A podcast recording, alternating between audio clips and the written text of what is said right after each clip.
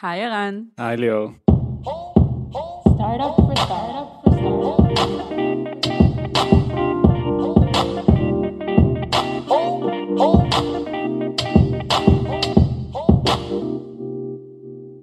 Hi, everyone. You reached Startup for Startup, the podcast on which we openly share knowledge, experience, and actionable insights among startups. So, first of all, today we're going to speak in English. surprise, is, uh, surprise. our first time. our very first time, but far from being the last. And today we're going to focus on the question of PR for startups. Why is it important? What's challenging about it? And to answer those questions, we have with us today Leah Walters, our head of communications here at Monday.com. And this is why we did it in English. And Leah is Canadian. Hi, everyone. So, Leah, hi. Shalom. Hi. Do you want to show us some of your Hebrew? Uh, no. Yeah, yeah, yeah. We want- we want a demo. I don't think so. there was a commitment here. But whenever you feel like it, you can Yeah. throw a sentence. you can in spice Hebrew. your English with a bit of Hebrew if you you. need. Thank you. Okay. Appreciate it. So, why do PR? Let's get right in.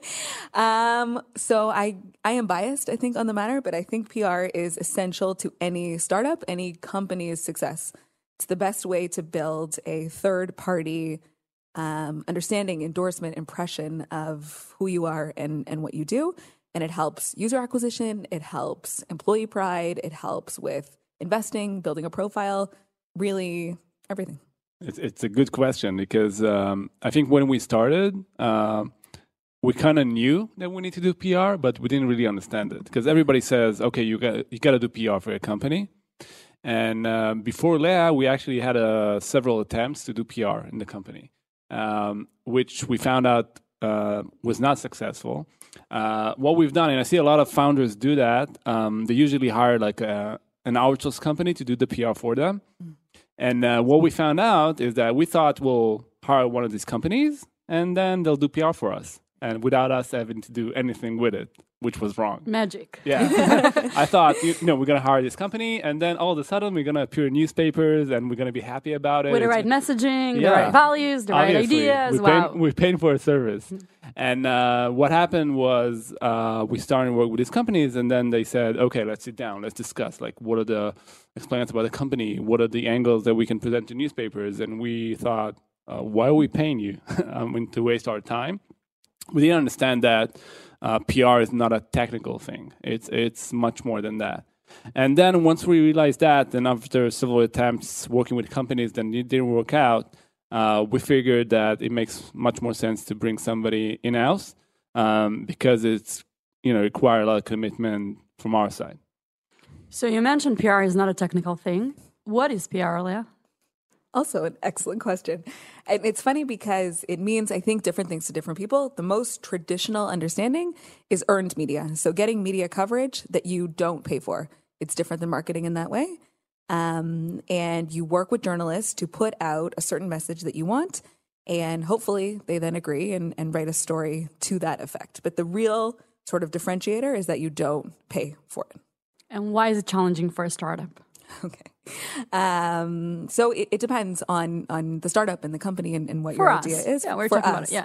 Okay, so we have a lot of unique challenges here, I would say. No, the first challenge um, is determining what your message is, sort of what you were describing as the process with a firm is internally you have to do a really deep dive to understand who are you targeting and why. A lot of people use PR as a customer acquisition strategy. For us, it's not so much that. It's really about brand awareness. And so it's harder because you're not saying we're targeting a specific group, so we want to be in X publication. You're saying we want to explain a certain thing about ourselves. So, how do you do that and how do you reach the right people? Um, so, in the beginning, there was a lot of learning and understanding and a lot of mistakes made. I remember in my first month, it was really important to hit the ground running. You know, I learned done is better than perfect, which is not how I operated previously. And we had a feature which to us felt like a massive change in the company. It was the timeline. And it was the first the first month they're saying, "Okay, we have this timeline, let's do PR about it." I was like, "Great, let's do PR about the timeline." What I didn't realize is nobody knew who we were as a company. So you can't go to them, "Please write about this amazing new feature" when you know, They just don't care. Exactly. They Yeah. don't care. They don't know who we are. Right. They don't know how it fits into the bigger picture. So the first major challenge is establishing, you know, a reputation for yourself. And when you're doing that from afar, and for us, we really focus on the US media market right now, international for sure, and local for other reasons, but the US is really the toughest market to crack. Um, there's a lot of time and effort going into explaining what differentiates you from competitors, from other American companies, from companies they may have heard of who have strong local reputations, and then building towards things like feature announcements and, and other updates. Yeah, I think there's such a misconception about PR. Um, I remember that you know we raised our first round and we thought, oh, TechCrunch would love to write about that. You know, it's an amazing piece of news. And then you realize, you know, you know, hundreds of companies are raising money like every week. I think it's not you know big news. You have to push yourself in order to appear there. And more than that, even I think after we got our first kind of uh, report on TechCrunch about our uh, funding round, we thought we're gonna have a spike of traffic. You know, tens of thousands of people are gonna check this new cool startup that just raised money. And what eventually happened, you see like a, a small blimp in the in the analytics tool that you're using, and you said, okay, uh, why isn't the world excited about you know yet another startup that raised X amount of money?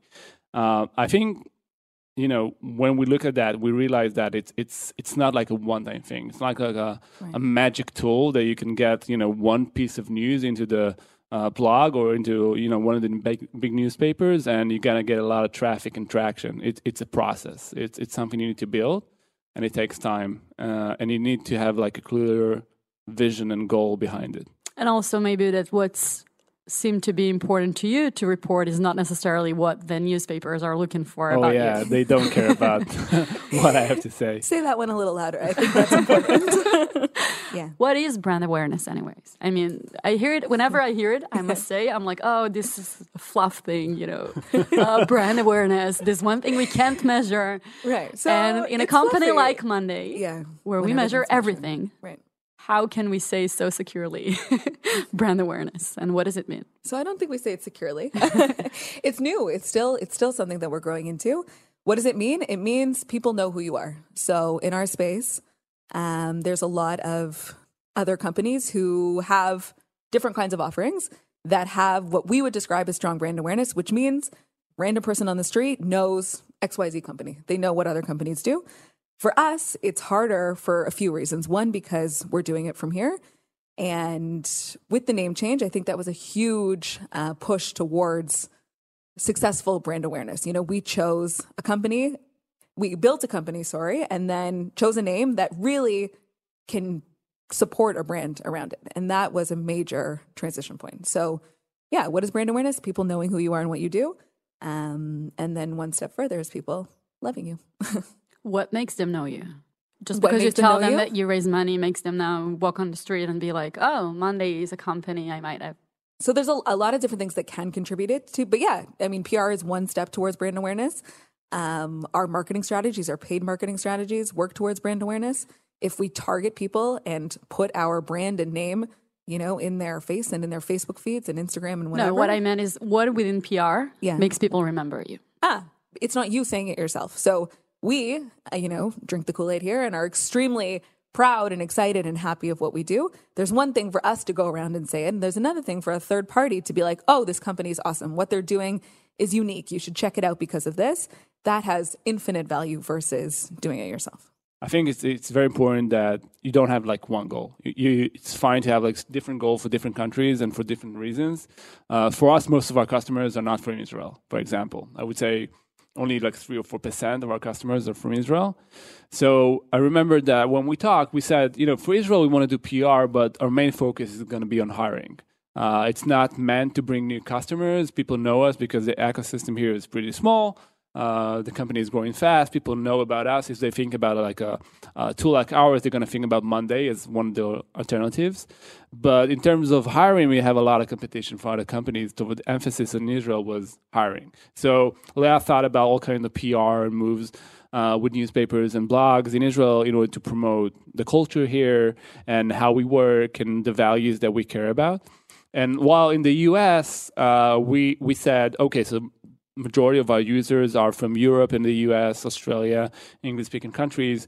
Uh, we want to increase the brand awareness in those countries and, and present, you know, what is Monday and what's the concept behind it and what's the thought process. So there it was very different. We don't care about hiring people in the US. Now we do because we have an office, but yet I think most of our effort is towards building a brand. Uh, to And support, customer acquisition. Yeah. And to support the customer acquisition, I would say, and enhance it in a way. So tell us a bit more about how does it how do you start thinking about it? How do you pick media? How do you interact with them? Yeah, it, it- our our philosophy is, I think, our being Monday is is different. We are not in the all, you know, we don't want as much coverage as we can possibly get. I think we would correct me if I'm wrong, but rather have no coverage than the wrong messages out there. So it's a very carefully guarded um, sort of story list that we are constantly pitching. So we talked about fundraising, we talked about feature annou- announcements. Those are pretty straightforward. You know when it's happening, you can plan in advance, you reach out to journalists.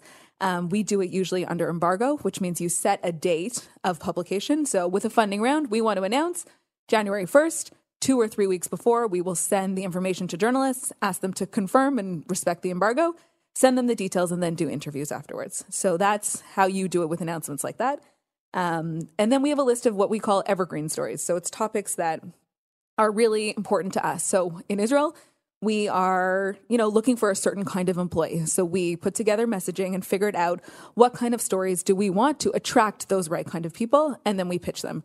So a huge thing with PR is it's a relationship game. It's getting to know the journalists, knowing what's interesting to them, knowing how they like to receive their information, what kind of stories um, they write about, and really doing targeted pitches. So you don't take the same email and send it to everybody. You customize it to say, you know, hey, I saw you wrote about this recently. You might be interested in this. Um, and then you have the assets ready. So if it's images, if it's quotes, if it's whatever else that goes with it, so that the process is as easy as possible. In the US, when we're doing the more brand awareness stories, um, it's it's harder because you don't have hard news necessarily, other than the different things that we talked about. So it's always trying to keep an eye on either trends that you can jump into or producing your own content as an op-ed, which is a way to get out your message in your own words, but published by another company. Yeah, and, and I think one of the things that I found out uh, wasn't clear for me before that it's a relationship more than anything. Because um, you can just reach out to a, a news reporter one day and say, oh, we're monday.com and this is what we want to publish. Because you won't understand the context, and the context is super important. Uh, I think one of the things that I learned from Leah is that the relationship um, is very is key to get the right message across and to get like the the news that you want to be published and it requires a lot of effort. And and i remember that she told us oh you guys need to meet this uh, journalist from newspaper x. And i said okay why because i want to i want him to get to know you guys i want to i want him to get to know like how you think about the company you know without a specific reason just to build a relationship so this is again something that requires a lot of attention and effort but i think it's critical to get the right pr across Do you have an example of a relationship that ended up in a success story kind of thing? Yeah. You do? Um, yeah. So I think the the first example that that really comes to mind was also started in my first month here. It was all about action and doing things. I was like, okay, so I made a list of people. Wow, what a great month you had. it's been like that every month she's been here and we won't talk about Wikipedia. That's a whole other situation. But I um, uh, made a list of journalists who I thought were interesting. I like to read their content. I thought they did deeper dive stories. I very quickly realized we were not in the clickbait game. We did not like shallow pieces. Um, and made a list and wrote emails, kind of awkwardly introducing myself and saying, "Hey, this is who we are and what we do." And it's amazing to look at them now because it's like you won't believe it. We have five thousand paying teams. You know, like it's just it's crazy the change that that it's been. yeah, we Today have- we have 40,000 Exactly. just, for the re- just for the to understand the difference. And I thought 5,000, that's incredible. They're going to love us. Yeah, it took some time, but we, um, introduced myself and some of them started writing back being like great as you grow stay in touch like you know like uh cool Thank you, that's but no great. thank you. and i'm like okay they want to be friends so um Didn't you stu- study American uh, language, Leah? I just chose to ignore what they were actually trying to say. And you, you know, there's a balance between the right con- like amount of communication, you know, where I'm not updating them with every time we change a color, but it is keeping them up to date on our major growth milestones and that kind of thing. So sending either videos or product updates or funding news and that kind of thing. So there was one particular journalist who I really set my eyes on and we developed a great relationship. And so he sent one of those shallow responses initially, but he responded. So I, I took the bait and we kept going from there. And ultimately, he ended up coming to Israel for a totally different reason and reached out himself proactively to say, Hey, I'm going to be there. Um, would love to come and meet, like, you know, you and the guys and see the company. So that was incredible. Um, and just showed sort of the long game of, of relationship building. We had a small setback with him where when we changed the name, we developed these amazing swag boxes and of course sent him one. And unfortunately, the glasses, the very cool glasses that we in- included, combusted on the way. So when he opened it, it exploded shards of glass all over his desk. Oh my God. And he tweeted about it, which was mortifying. But it was another way to just be like, sorry, and keep the communication going. We sent replacement glasses, and he says he actually uses them to this day still.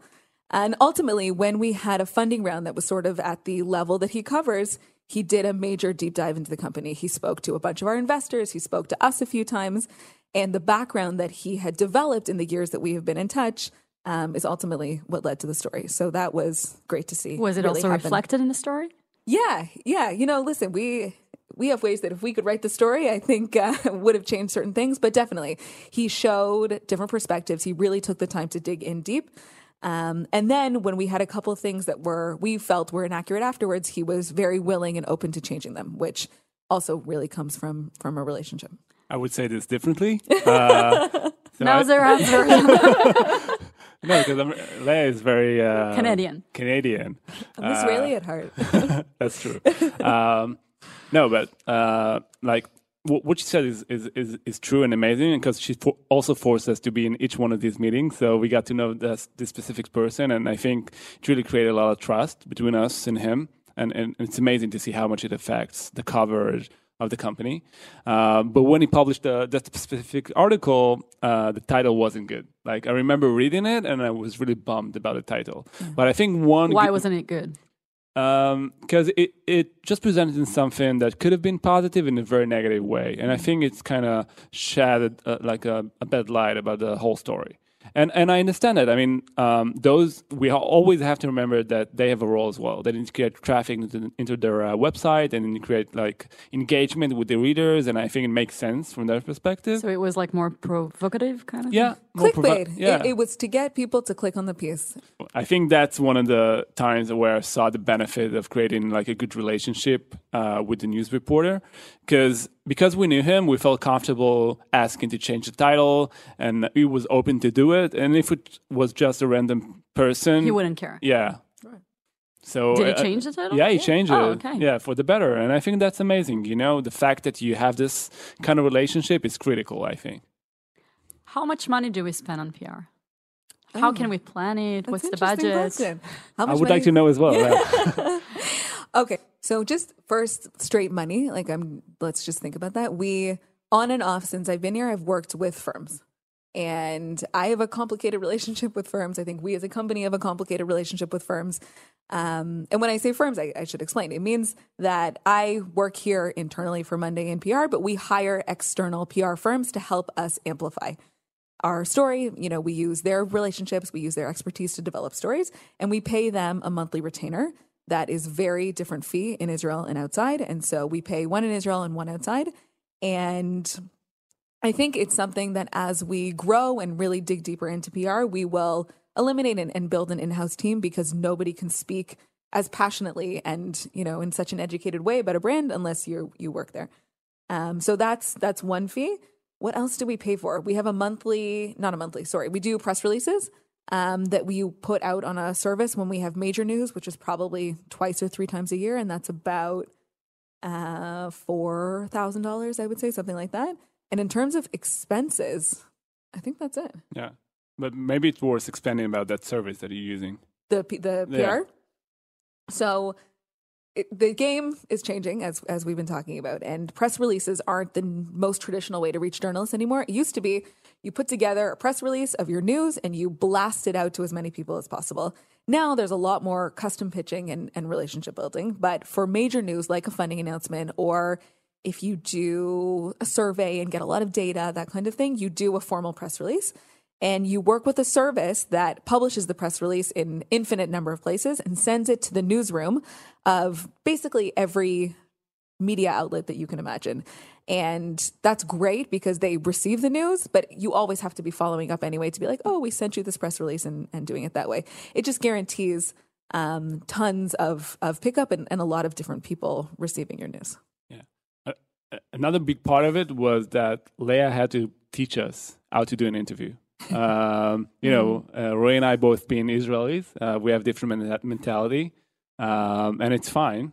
Um, what is the mentality, like the Israeli mentality? well, I can have really. a, a whole episode about that. But um, look, being I'm- like too straightforward. What do you mean by yeah, sometimes too straightforward, sometimes being too blunt, sometimes um, not answering the question or not fully understanding what they meant when they asked the question, but also like technical terms that uh, we w- didn't know. Um, I can give you a few examples. Like, um, I remember that in our last funding round, like we had to interview for quite a lot of newspapers, and Leah told us all kind of terms that we can use with the journalists, like um, on record. Uh, this is something that you can be quoted for, and you have to specify that you know this is off record if you want to say something without being quoted. and then what's the value of it? Uh, the value is that Of the, um, of the record, I mean. If you're talking to an. In, Context. So Oh, okay. basically, you you assume, and this was also a very important lesson that we learned the hard way. I would say that you are on the record unless you say you're off the record. Mm. So you feel like here we are chatting, have a nice casual conversation. I'm going to tell you all these things. I'm going to speak in slang. Maybe I'm going to swear by accident. These are things that they can take and write. Um, unless you tell them it's off the unless you record. tell them it's Yeah. off the record. So Wow. with something sensitive like valuation, maybe, or you know, if you want to give specific growth metrics that you're not ready to be published, um, you can say this is off the record so that they understand the scope of, of the company and, and what you can accomplish. Another thing I've learned is on background. So I didn't know what on background means. Uh, apparently, it's a term that you can use with uh, news reporters. Uh, so on background means that you, you they won't quote you, but you can mention a fact, and they will mention that in the article of uh, so, uh, like sources from the company told us that X Y Z. But it won't be your name related Exactly. to it. Yeah. It won't be Uh, coming out of your mouth. Yeah, so it's like a fact, but they can't quote you directly. So that's like another tool. I didn't realize I can say that. Wow. Uh, yeah. There are rules to this game. Yeah, yeah. Now you know when you see sources close to the company or probably sources within the company. yeah, that's funny. Um, so that's kind of technical stuff that we've learned along the way. But also, like, uh, you need to take into account that you know, even if you, we were in the U.S., most of those calls are like on the phone using Skype. Usually, you know, it's not the best setup. Like the audio is not clear. They can't see you on the other side, and it's very hard to create like a relationship over the mm-hmm. phone. So we had to learn, you know, to listen to the questions, and we had to learn to say, "Hi, this is Eran speaking," or "This is Roy speaking," or like so they can quote you, and it becomes more personal. Because otherwise, it's going to be like a, a mumbo jumbo of of quotes and different things, and it's very hard to convey, you know, a clear message across. so you have to get better so that the article, the final result is good. Yeah, Leah actually prepared us before interviews about what to say, what not to say, how to answer specific questions, um, you know, how to present ourselves, how to present a company. And I think it created a lot of confidence in, in how we do it. And I think it's critical to do it in house. And, and, and what we found is that it's also helped us, you know, in general, like to convey what we do in a very uh, precise manner, uh, thanks to those efforts. There's also tips and tricks in answering questions with what you want to say. You know, a lot of the time the journalists will have an agenda, they will know what they want to ask you, but really you want to present a different part of the company. And that's something that you guys I think have really improved in also in being able to sort of sidestep and say, "Great, yeah, that's interesting, but let us tell you Right. about this." And it's amazing to see to see the improvement.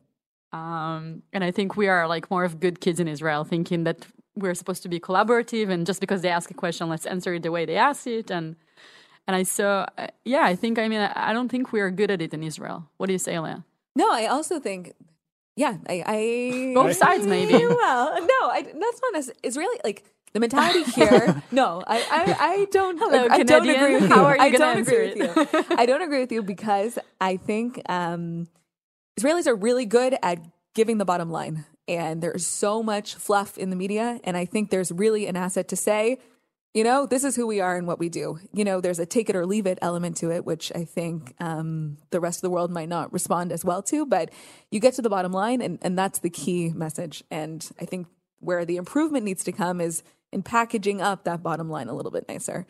And what I have learned so much from being here and you guys is we don't rely our coverage on you as co-founders or as people. It's it's so the easy way to get coverage. You know, people love CEO profiles or tips from from CEOs and co-founders, and it's like almost a forbidden thing for us to do. I want to expand on that. Yeah, we have a constant battle with Leah. yeah, Uh, she comes to us all the time. Okay, Ree, you, we want you a picture of you doing that, or Eran, I want to interview you, and we don't want to do it.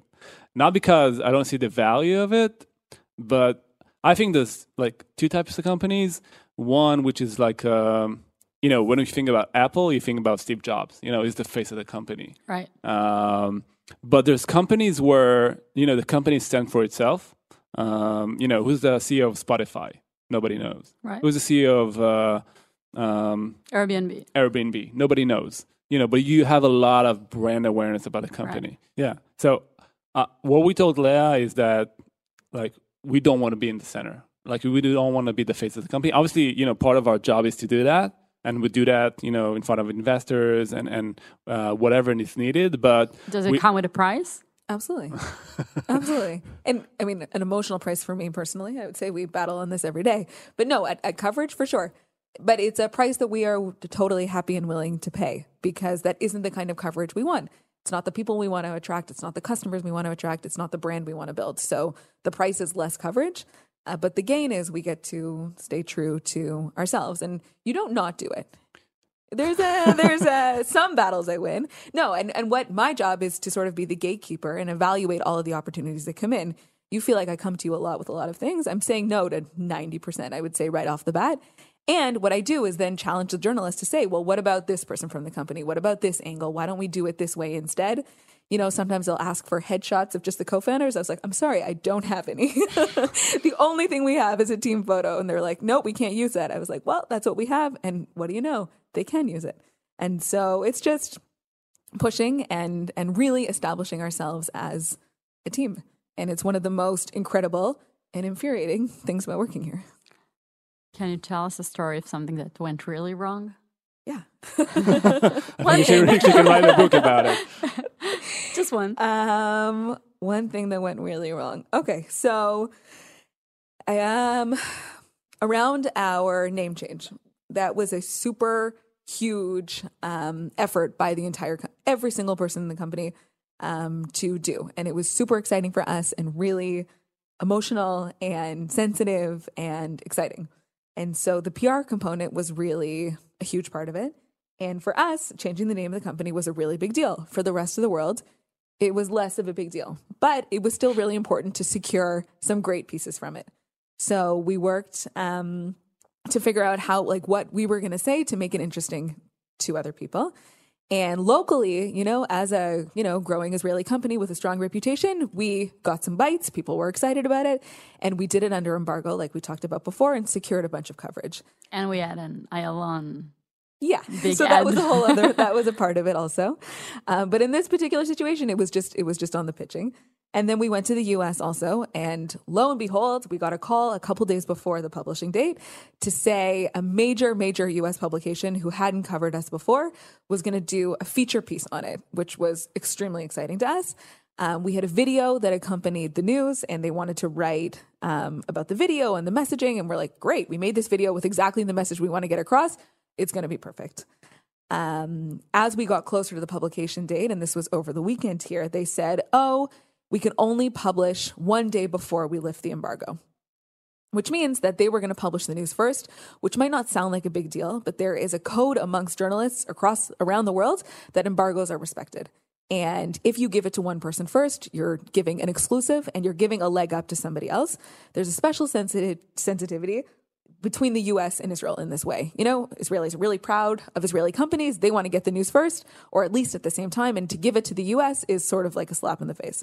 So we said, no, like, this is the embargo date. This is what you have to do it. They pushed back and said, okay, fine. Like, we're not going to publish. So what do you do?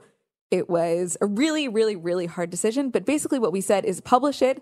Like, really don't do it. Please don't do it. If you absolutely have to, and this is at the cost of the piece, publish it as late as possible. Why So do that- they have to do it? Why do they? They don't. They don't have to do it. But when you're No, in but this, there's a thing about being first. yeah, there's a th- huge thing about being first, even when it's something like this company changed their name. But also, it's a they're a massive publication. They knew they had the stronger hand in this situation, and that we wanted that coverage. So they did it because they could. they did it because they could. And, you know, they don't care in the same way that we do. And they also are thinking, like, oh, you're Israeli based. It, like, you know, it doesn't matter. This is going to be an English story. Like, okay, well, everyone has the internet and can Google. And anyway, so they ended up publishing, and it was a disaster. It was a huge, huge mistake by me um, to give them that leeway to be able to do it. I thought, okay, we're going to get this piece. We'll wake up in the morning. We'll do the Israeli coverage. It's going to be fine. What ended up happening is all of the Israeli journalists saw the piece and said, like, what, like, how could you do this to us? It breaks the trust that you've invested in a relationship of building. And they ultimately didn't publish, with the exception of one or two, and it was mostly around the sign. And so it was a lesson of you stick to your values. You know who you are, you know what you want to do. And the answer should have been absolutely not. You cannot break the embargo. And it was um it was awful. Do you want to say anything about it? no, I mean, Leah, you're making it sound very. It was dramatic. No, it was. dra- I mean, it was Very I, I- dramatic. I, also like How I dramatic take- was it, I Anna? take these things very hard, you know. So like, I think personally, it felt awful, and it's also it was a moral dilemma. Like, what do you do?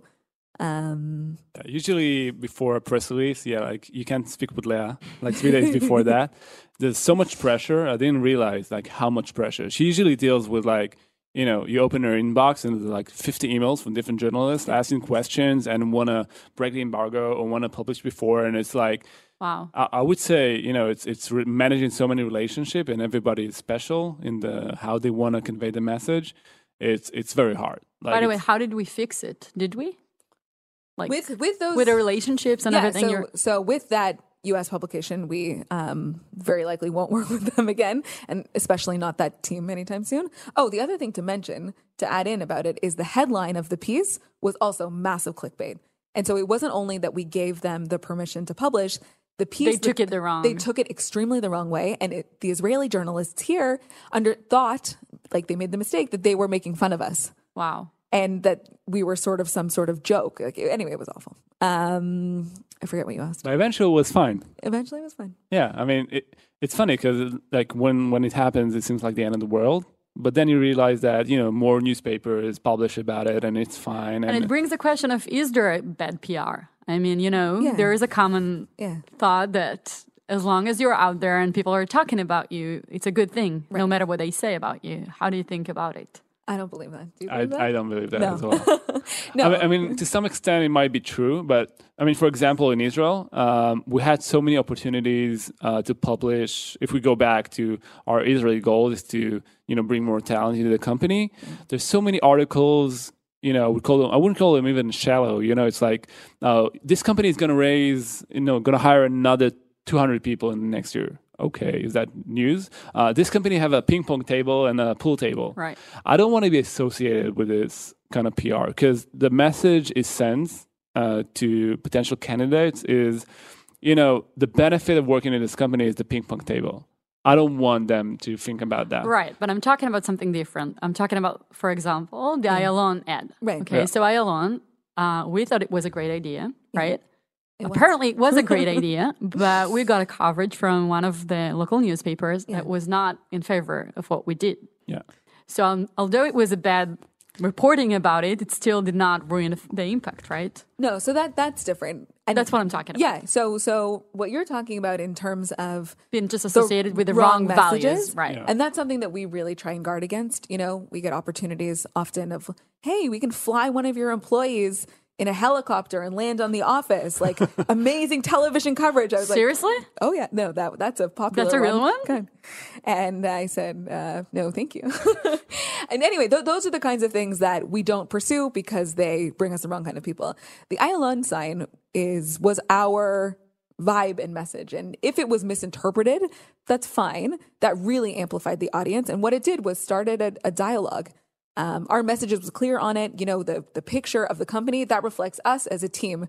And really, the message on it was thank you to the community for being a part of it. That's what we wanted to say. That's what we did say. And, and hopefully that's the message that got across. If they speculated about how much we spent on it or, you know, how much money is in the startup scene, like that's that's fine. But did this coverage make any harm? That's what I'm asking. It, it didn't. If any, the only thing it maybe was negative was made our job for HR high, harder because they got so so so so many resumes that weren't necessarily the, the right fit. Yeah, but I think it's challenging. I mean, even now with the campaign that we're doing in New York. So wait, let's Okay. give context. Even now with a campaign What are you in Europe. talking Okay, about? okay. What? Context. Delete. We have a No, let's not delete. Yeah, give us some context. Okay. Um, Ta-da! No, you have to no, answer so the maybe you give us some context. Okay, cool. Here's a mm-hmm. context. what are our current challenges? what are our future plans? What are you working on now? You want to talk about the campaign? That's a question of the campaign. Yeah. campaign. Of Yeah. course. No, we are talking. This is on record, guys. oh, see that? She's using the lingo. Can, can I embarrass you, Leo? Sure. How do you want to embarrass me? I don't know. You'll cut it off anyway. Oh, editing power. Okay, so a current major initiative that we're undertaking is our first uh, offline advertising campaign in Manhattan, in New York City. We took eight billboards across mid and downtown Manhattan and two subway stations and are doing an advertising campaign. Sounds simple when you present it Right. like that. Right. It was easy. Yeah. What's so complex about it? Okay. Where to start? so first of all, why did we do it? We did it to, you know, we were talking about brand awareness before. We did it as a brand building exercise in in a super important market for us where we just opened an office 6ish months ago where our investors are to let people know or to answer the question what is monday.com. I think it's also part of us maturing as a company. Um, up until now, we scaled only on performance marketing, uh, which is great, you know, and we can we'll continue to do that. But eventually, you realize that you have to build a brand, and and part of it is doing PR, but a big part of it is to you know one of the things that we took into, into account with this campaign is that people might see this ad but won't convert into paying account, but a year from now, when they have to decide between Monday and a different software, they remember that they saw this campaign on the subway and will make you know the right decision. So what's complex about it? Everything, everything is complex about it. Um, Especially since Leah managed the whole thing. yeah, yeah. No, it, it, everything is complex about it. Uh, figuring out what message we want to portray that's super complex. Figuring out where the people are that we want to target was super complex. The logistics of executing a campaign like this super complex, and the logistics of doing it from a million miles away is is also really hard. I think about it for the first time now. Also, it's so counterintuitive to the way we usually convey a message because we are so used to having a vertical focused message and we try to really avoid general messages around what we do and who we are just because it's such a difficult thing to say and maybe it was like this one first time that we just really had to Yeah, go with something It's an interesting thing because our target market is anybody who manages a team. That's amazing because it's everybody, and it's a humongous challenge because it's everybody. So, how do you touch on pain points that, that affect so many people? It's a PR challenge, it's a branding challenge, it's a marketing challenge, it's a challenge as a company, which is, I think, what brought us to the idea that we ultimately went with, um, which is you know, a- a- an experiment. Like we'll, we'll see. What we ended up doing was on the billboards writing only what is Monday.com, which is the fundamental question that is super hard for us to answer. And in the subway stations, put 28 different answers from our most popular use cases um, that we've learned from our users. The best ways that people use Monday is for these various things. So such as what team management, project management, those are sort of the more general ones. And then we got into as a sales pipeline tool, as a CRM, um, different kinds of things that that people really use the product for. Yeah, the thought process, you know, I think we had like 10 different versions of the campaign before we decided on that one. At least, Yeah, even more. Um, I would say even, you know, more than 10 concepts. But it's what we realized along the way, it's very different than performance marketing. While performance marketing, it's very easy, you know, to get an ad tested and get it down. But also you can uh, put in a lot of text and a lot of visuals. And what you realize that people, you know, even specifically in New York, have so little attention that you have to be very precise and very minimal in how much um, Time information they have to spend. yeah, because you walk Right. in New York and you see, you know, thousands of ads in every in every, you know, five or six minutes, and and, and it's insane. And it, in all that noise, you have to stand out, and it's very hard. But also, like you want to convey a message in, in the same time. So we had to. I remember it was like a process of stripping down, you know, all the noise and being very precise, and it's hard. Um, but I really like, you know, what eventually brought us to this specific campaign is the fact that you know we kept thinking about okay with this horizontal tool and we do all those things how can we say that you know in in in a, in a billboard and then we'll say you know let's just say that that we are all those things and i think that's what nailed it eventually the fact that we'll just communicate what we want to communicate as direct as possible There's such a big risk in it from our perspective of marketing. Because, again, as you said, like today, if we make a mistake and we have so many tools to predict that we're not, we can still take it down the moment we realize it's not working. Here, we put so much effort and so much money, and we still don't know what, what is it now? Two weeks into the campaign? No, not even. For you to take the risk, what does it take? What like what do you hope to get out of it that you say, I'm taking this one risk? i don't know i mean to be honest i didn't feel it was such a big risk Yeah, that's what I was going to ask you. I wouldn't Yeah. have guessed you'd say that. I mean, and and because uh, I didn't have a lot of expectations out of it. Like I didn't say, "Oh, it has this and that have to happen," and for it to be Right. successful. I believe it's it's you know strategic and it's the right thing to do, and we'll improve with it along the way. I think it's a great campaign, uh, but for me, it's just a starting point, and we'll evolve from here. And and I don't think it's a big risk, to be honest. And also, in terms of cost, it's one fifth the whole campaign, which includes this part, and we will be doing this is a spoiler alert. um, subway stations at the end of January through February is a fifth of what our monthly marketing spend is, and so in terms of budget for us, it's a, a piece, Reasonable. it's, it's a piece of what Right. we're doing. Yeah, it's still a lot of money. It's an extremely huge amount of money. Yeah. Yeah. What about you, Leah? With Which- a risk. The risk? The risk is missing, to me, it was missing our first shot. You know, this is us introducing ourselves to a market that's super important to us for so many reasons. And I, yeah, I didn't want to miss up our first try of messaging. And so it took, yeah, so many different variations. And even when I saw the first stab at this final concept, I was like, no, like, no. And then it sits and it grows on you. And, um, it came out so beautifully. And I think something else to mention is we did it all entirely in house, which has to be unusual. Um, it ended up being about 500 pieces of media in between um, the stations and the billboards. It's a tremendous amount of work for our design team, marketing team, data science team. Like it was an incredible company wide effort to come together to pull it off and a huge source of pride for the company. You know, if that's what comes out of this as our biggest win, I think we did. It's worth it. We did pretty well. Yeah. Uh, we also took a lot of steps, you know, to measure it. Yeah. 'cause, now we can uh, talk about the right? Yeah, it's Yeah. huge. Um, one of the cool things that we've done is that um, we changed our s- uh, sign up process. So if you sign up to monday.com from New York right now, uh, during the up process, we're going to show you pictures of billboards around the city and the subway stations. Really? And uh, we're going to ask you, um, have you seen any of these billboards? And you can click on any of them. And we actually getting pretty cool results so far. I mean, it's only the first week, but it's very cool to see.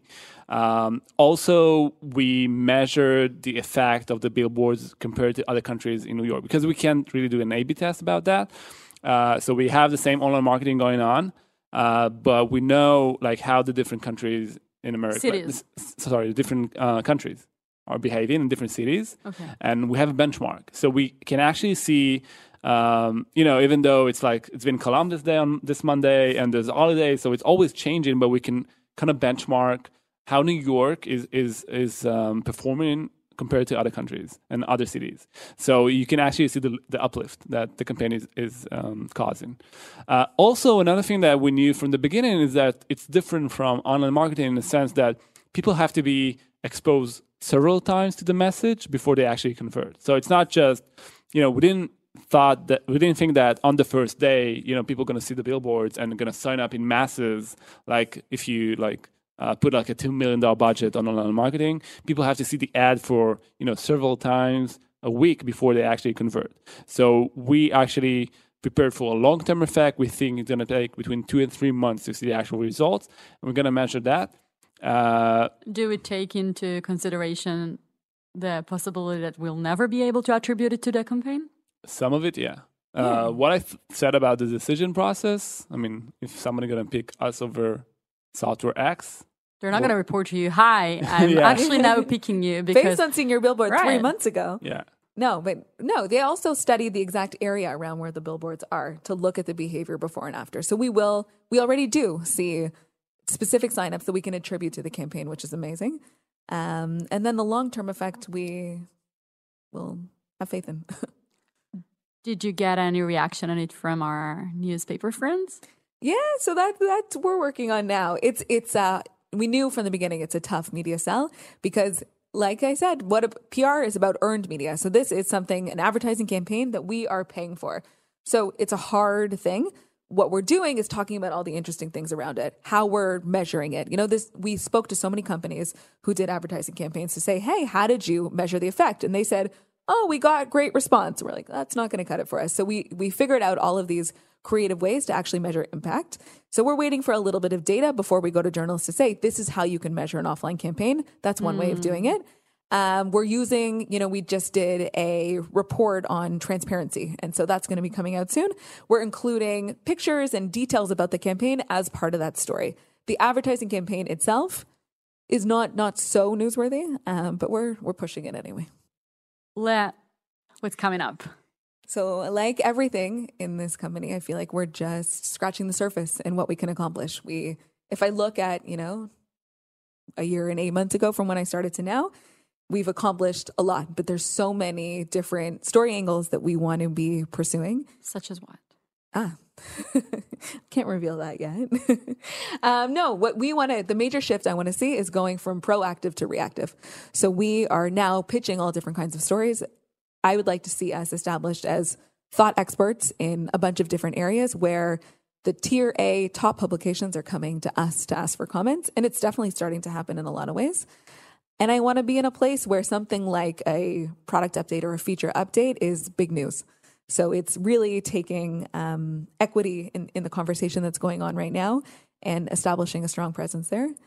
Um, and it's also something where the company is is accomplishing so many cool things, and so we feed off of that and are so happy to have so many different things to to be promoting in the news. Um, so, like I said, I think that um, one one thing that we found out is because we're scaling so much and we have so many customers and so many users, we actually got quite a lot of insights about how people work, how they behave around work, what makes companies stuck, and what makes them very successful. Uh, so, one of the things that we're gonna do is to start using this data aggregate like aggregated data from uh, our system. I think we have a lot of insights to share with the world. So I think this is uh, one thing that's very interesting. Um, I will also say that uh, you know we had a lot of values and concepts behind the product, and I think you know as we grow as a company, we can be thought leaders in how we manage and, and how why we build the software the way we build it, and what are the values behind it. Because I think there's a lot of depth to what we're doing. Um, so hopefully, as we grow, we'll be able to share that, uh, and this will you know become like news and what people are interested in reading. Sounds like we should stay tuned, right? Stay tuned. lots lots of good things to come. Yeah. Le, thanks for being with us today. Thanks and for for, being me. our very first forever and ever interviewer. This is the last time I'm doing this. uh, Leo. You did great. Everyone, it was awesome. Thanks for having me. Next time in Spanish. No, no. oh my god. Uh, we need like 15 pe- episodes in Hebrew, In and Hebrew for before I, everyone to be. I need to recover. Yeah. Thank you, and Thank you, Leo. thank you all for listening startup for startup for startup.